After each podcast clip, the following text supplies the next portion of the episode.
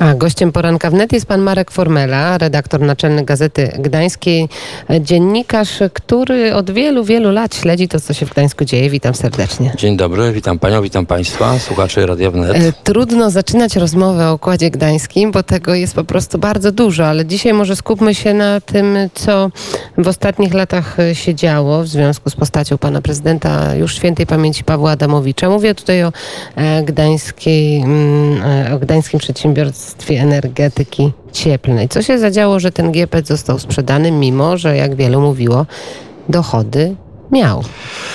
No, Musielibyśmy się, no cofamy się wiele lat, to jest roz, początek tego tysiąclecia, e, trudna sytuacja budżetowa w, w Gdańsku. Prezydent wpadł na pomysł, żeby uratować wskaźniki makroekonomiczne wynikające z ustawy o finansach gminy, e, że może sprzedać przedsiębiorstwo, które e, działało na zamkniętym wewnętrznym gdańskim rynku. E, I ten GPC powolutku przygotowywał do, do, do prywatyzacji. Mm, Jak się okazało, nie była to prywatyzacja, o której mówił głośno i publicznie.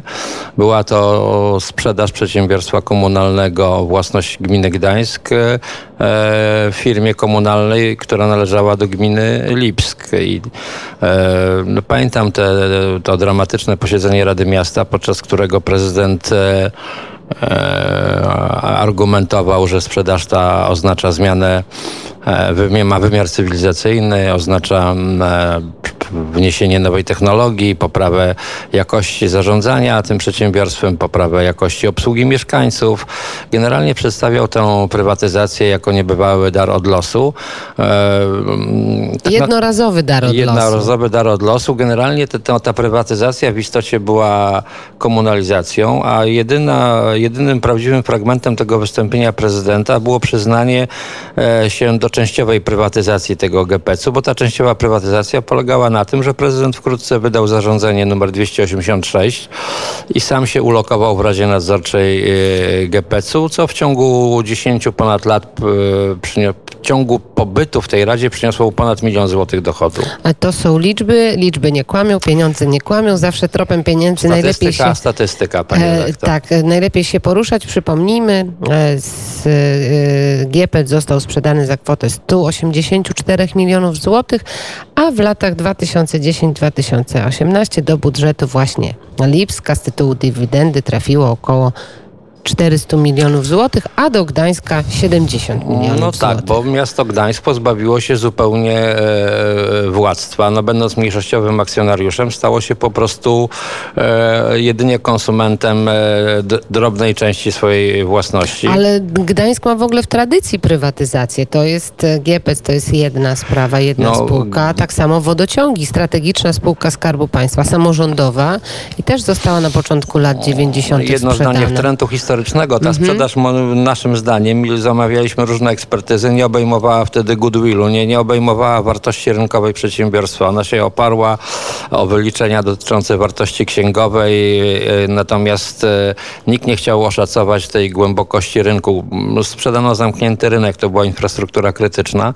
Jak sprzedano, kto na to wyraził zgodę, to jest temat na osobną o, Ale właśnie, opowieść. panie, ale panie redaktorze, bo na taką zgodę przejęcia przez spółkę zagraniczną musiał wydać zgodę minister spraw wewnętrznych i administracji albo ktoś w ministerstwie. Czy pan pamięta, kto to był? Kto się pod tym podpisał?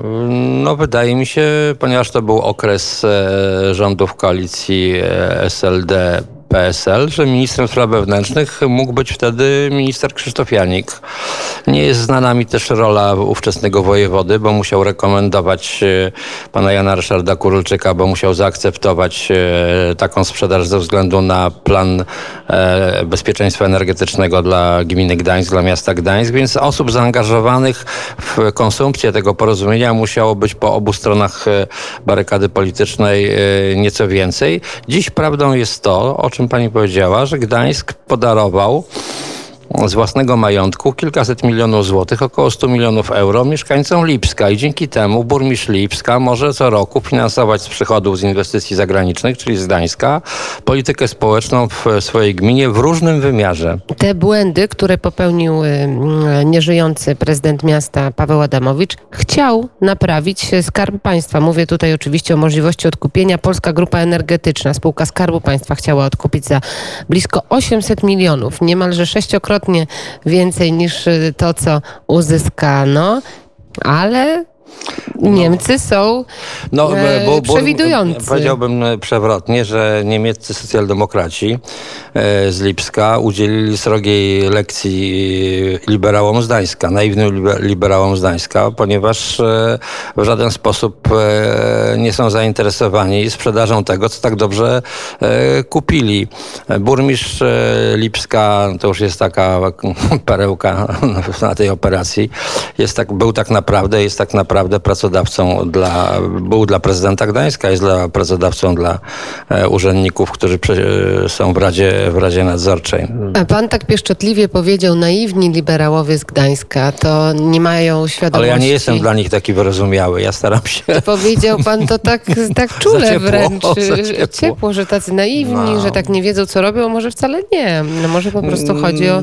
No myślę, że wtedy decydował naprawdę bezwzględny interes formacji rządzącej Gdańskiem. Gro, groziło przekroczenie wskaźników bezpieczeństwa i ta sprzedaż po prostu została dokonana w interesie tej grupy politycznej, w interesie grupy politycznej, która Jakiej grupy trzyma, politycznej, trzyma władzę w? Gdańsku. No to jest e, środowisko, które się wywodzi z e, Kongresu Liberalno-Demokratycznego, z Unii Demokratycznej, z AWS-u. To jest konglomerat osób, dla których e, pewien feller ustroju samorządowego, czyli brak kadencyjności tych władz e, stał się e, doskonałą okazją do wytworzenia silnych więzów społeczno-gospodarczych i politycznych. Myślę, że okazaliśmy się niezwykle naiwni jako e, społeczeństwo i daliśmy i Sejm głosami chyba wtedy SLD zdecydował o tym, że prezydenci sprawować mogą swoją władzę w sposób nieograniczony liczbą kadencji, a obszar władzy, którą Sejm powierzył prezydentom jest gigantyczny. No lepiej być prezydentem miasta e, niż premierem rządu polskiego. Władza prezydenta jest władzą bezpośrednią, namacalną i posiadającą olbrzymią egzekutywę.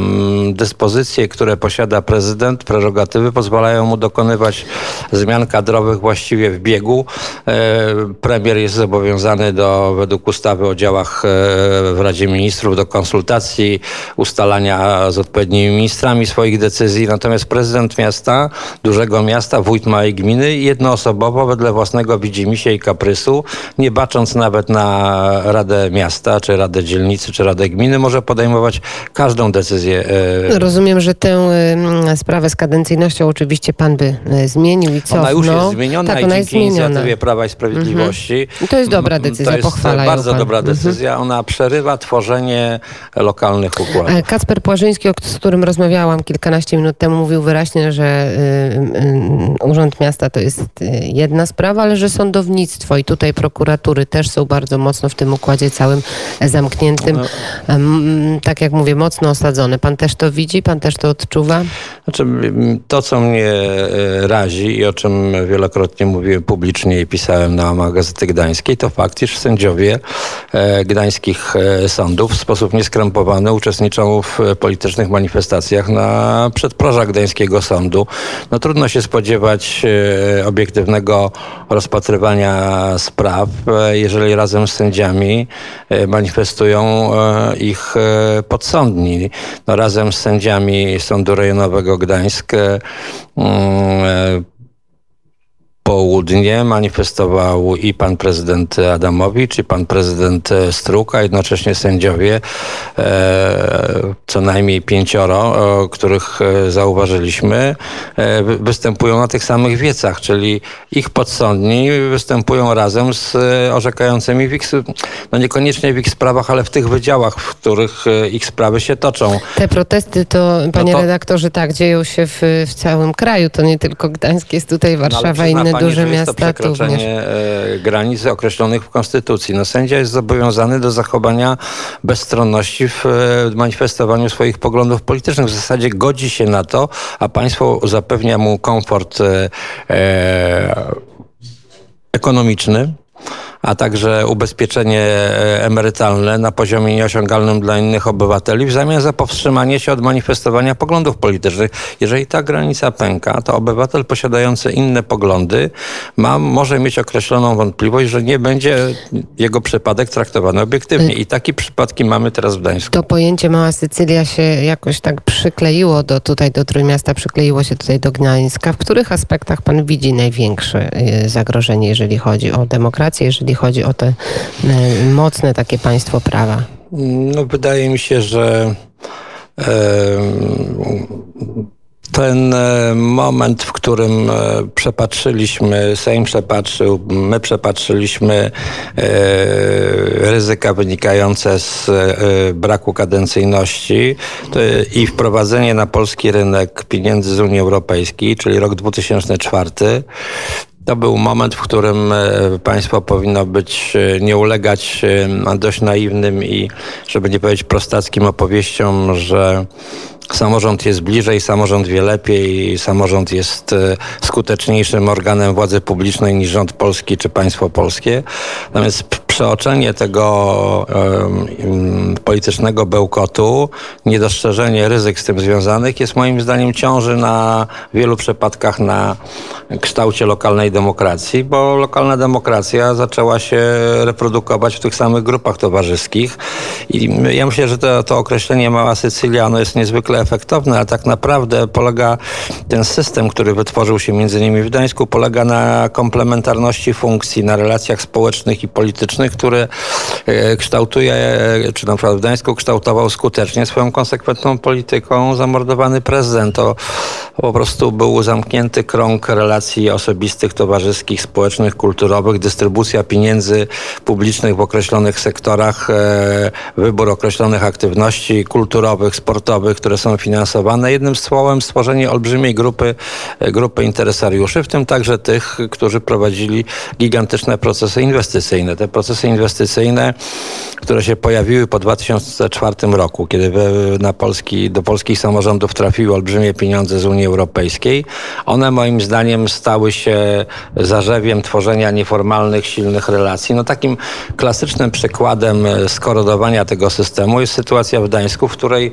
e, e, interesariusz gminy wykonujący ważne zlecenie e, komunikacyjne, ważną inwestycję komunikacyjną, e, notabene ulicę imienia Pawła Adamowicza. Jednocześnie e, prezes zarządu tej firmy, wiceprezes jest przedstawicielem władz Gdańska w innej spółce komunalnej, czyli ten konflikt interesów tu w Gdańsku nikogo nie razi. On jest po prostu elementem pejzażu społeczno-politycznego i gospodarczego, ponieważ trwa to lata, ponieważ nie było wentylacji, ponieważ słaba była opozycja, czy to lewicowa, czy prawicowa w Gdańsku, więc na, nastąpiło tak silne spetryfikowanie, e, zamknięcie tej, tej grupy, że rzeczywiście e, to określenie trochę literackie Mała Sycylia zaczęło, przestało odbiegać od doświadczenia wielu, wielu Gdańszczan. Zresztą wyniki wyborów pokazują, że wcale nie jest tak, że, że w Gdańsku nie ma apetytu na zmianę. Kolejne wybory pokazują mniej więcej relacje, proporcje środowiska Platformy Obywatelskiej do, do mm, pozostałych uczestników. Ale mm, 60 do Gdańsk, 40. Trójmiasto to jest y, przynajmniej w całej Polsce uważany za bastion Platformy Obywatelskiej, że No bo to tutaj jest są to, to korzenie jest, przecież bo- i tutaj jest ta narracja tak bardzo mocno słyszana. No bo to jest e, matecznik e, No właśnie. e, Platformy Obywatelskiej. Nie tylko dlatego, że w Oliwii e, erygowano tę instytucję polityczną, ale także dlatego, że po prostu e, więzy towarzyskie, a następnie towarzysko-polityczne były skumulowane w jednym środowisku. To, to środowisko dość e, szybko opanowało e, Radę Miasta, e, Radę Sopotu, Radę Gdańska i to po, A po, kto dzisiaj jest taką osobą główną rozgrywającą, jeżeli chodzi o Gdańsk? Czy to jest to jest rzeczywiście bardzo- Aleksandra Dulkiewicz, czy ktoś No myślę, że Aleksandra Dulkiewicz jest emblematycznym liderem tego środowiska polityczno-gospodarczego, ale nie jest e, rzeczywistym liderem. Ten e, krąg e, gospodarczy, który mm, wytworzył wokół siebie prezydent Adamowicz, także poprzez niezwykle staranną politykę kadrową, dobór ludzi do rad nadzorczych, rotowanie tymi ludźmi w radach nadzorczych spółek komunalnych, każe się raczej zastanowić nad e, szukaniem tego e, realnego przywództwa poza strukturą samorządu. Moim zdaniem w tym składzie samorząd gdański jest, e, e, liderzy samorządu gdańskiego nie są liderami decyzji politycznych i gospodarczych.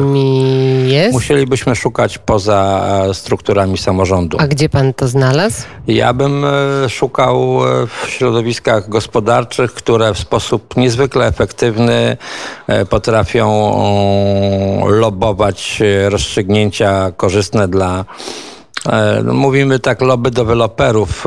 e, Kacper Płażyński używa też tego określenia.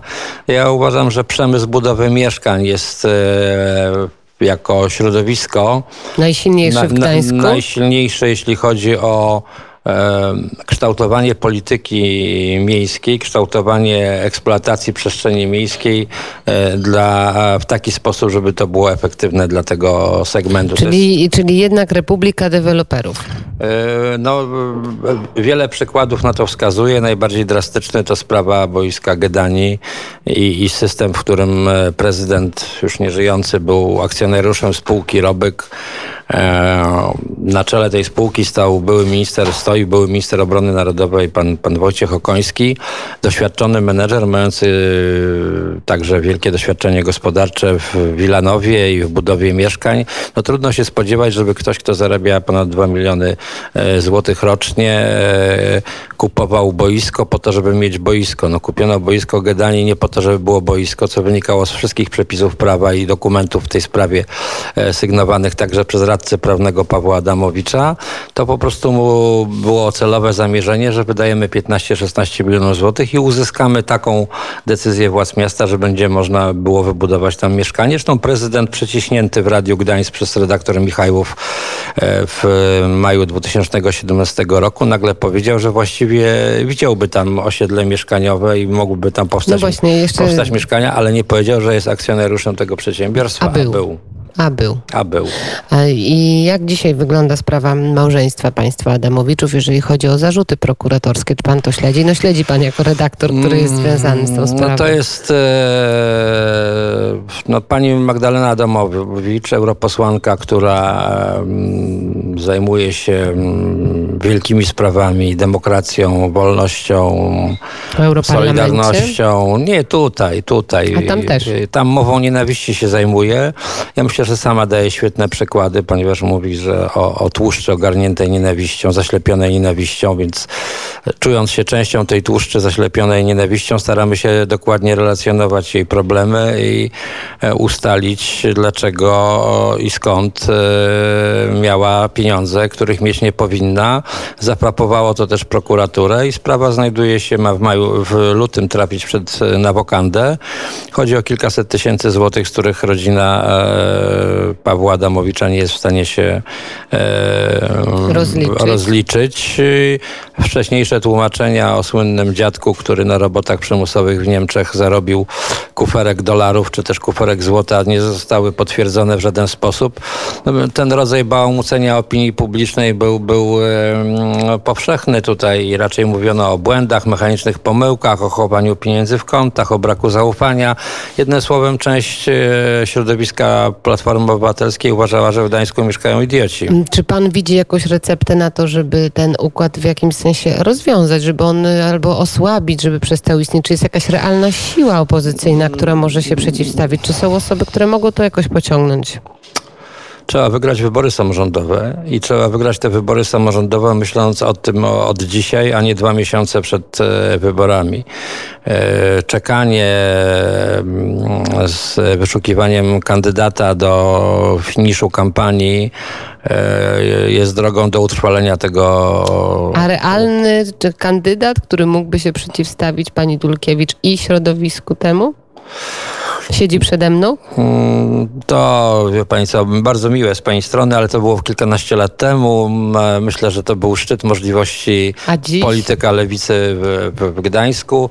Potem lewica stała się dziadem proszalnym Platformy Obywatelskiej i przestała mieć znaczenie polityczne w Gdańsku, z czym się nie bardzo mogłem pogodzić. Dzisiaj moim zdaniem to musi być ktoś z generacji e, Kacpra Płażyńskiego, Karola Nawrockiego. Musimy szukać ludzi, którzy mają odwagę i mają determinację, żeby z tym systemem e, zadrzeć, zetrzeć się, ale nie czekać do tego starcia do kampanii wyborczej, tylko budować alternatywę przez najbliższe trzy lata. Myślę, że gdańszczanie taką konsekwencję i odwagę cywilną będą w stanie docenić, choćby z tego powodu, że te wyniki wyborcze 60% do 40% pokazują, że tak naprawdę niewiele trzeba, a pierwsze rundy wskazują, że gdańszczanie głosują za zmianą. Dopiero w drugiej turze no, trzeba oddać prezydentowi Adamowiczowi, że miał dar uwodzenia i ingracjacji y, wobec e, swoich e, pracodawców, podatników gdańskich, potrafił ich uwieść i potrafił w sposób e, taki bezpośredni pozyskać sympatię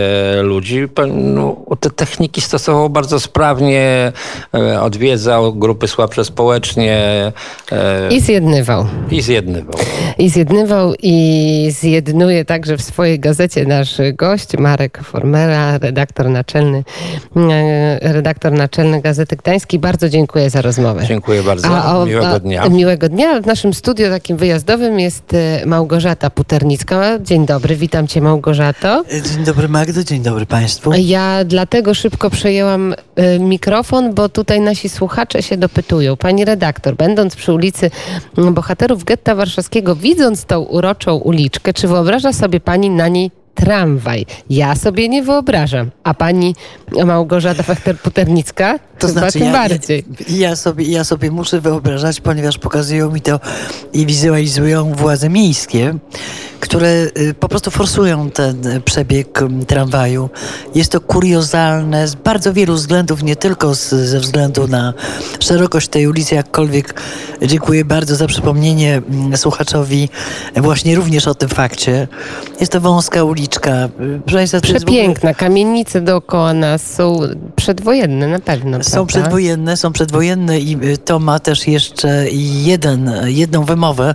Mianowicie to są kamienice budowane na drewnianych palach, dębowych palach, y, gdzie zaburzenie tutaj cieków wodnych, które musiałoby nastąpić w momencie budowy jakiejkolwiek infrastruktury y, typu podkłady pod tramwaj, wzmacnianie gruntu, no są zabójcze, może, mogą być zabójcze, mogą prowadzić do katastrofy budowlanej, ale w ogóle to jest kuriozalne, ze względu nawet chociażby na interes mieszkańców Górnego Terasu, ponieważ to wydłuża absolutnie jazdę z, z góry, z Moreny tutaj do nas, do Wrzeszcza.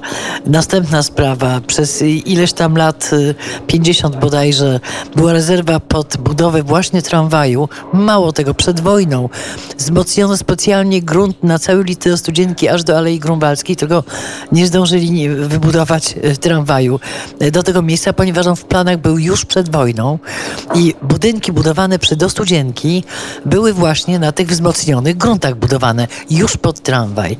To, co ten plan jest szalony, ten plan, z tym planem e, walczy Stowarzyszenie Dolina Królewska, walczą mieszkańcy Gdańska i mam nadzieję, że damy sobie z miastem radę, jakkolwiek ono e, sobie tylko z danych względów próbuje nam to e, po prostu wcisnąć. Po prostu wcisnąć. Nie wiem, jak tutaj się wciśnie ten tramwaj. Patrzę cały czas na tę, Slalomem. e, tak, na tę małą, niewielką uliczkę bohaterów getta warszawskiego, która na pewno nie zasługuje na tramwaj. Małgorzata Fechner-Budernicka. Bardzo Małgosiu dziękuję za tę króciutką wzmiankę i przypomnienie, że walczycie cały czas, żeby tego nie Walczymy, zaburzyć. walczymy i będziemy walczyć do końca. Za kilka minut będziemy już rozmawiać o tym, co się dzieje w Gdańsku, bo podpalenia dziwnym trafem w Gdańsku też się zdarzają, nawet kiedy pada śnieg, nawet kiedy jest zimno i kiedy jest e, deszczowo. To takie sytuacje mają miejsce. No i ta taka mała wojenka, różne układy cały czas trwa, a jak wojenka, to laocze.